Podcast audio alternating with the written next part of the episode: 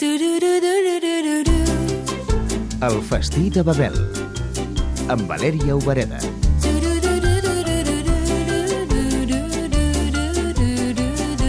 La cuina de la Índia és molt rica perquè allà fem servir molta espècia. Keval Singh va néixer al Punjab, al nord de l'Índia, i fa 3 anys i mig que és a Catalunya. Cada espècie té una història darrere. Per exemple, el gengibre és per bo per quan tens panxa inflada o tens gas o pebre negre, vosaltres sabeu per què fem servir. Julivert és per donar un sabor i hi ha més espècies com un tipus de farina és com groc eh, que té un gust de conell i que és bo per quan tens eh, un cop o tens mal de genoll o qualsevol cosa.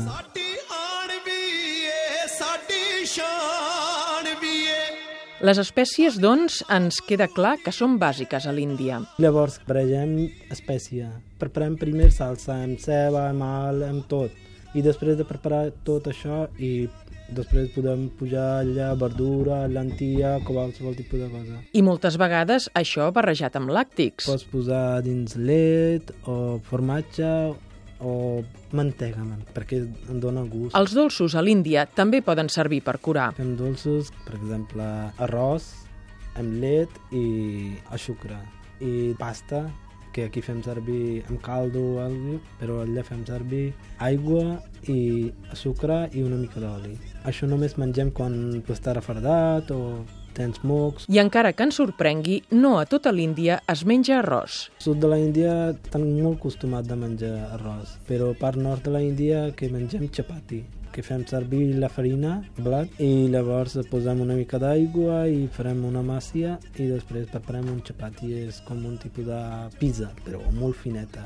Va, i amb això proposa'ns un plat típic. Es diu makki di roti sarso de sag. És la farina que fem chapati, la farina de blat de moro, i espinac i amb mantega.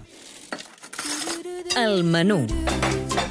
El que val ens suggereix Jo preparo lentilla o pèsols amb formatge o salsa de tot el tipus d'espècie amb pollastre.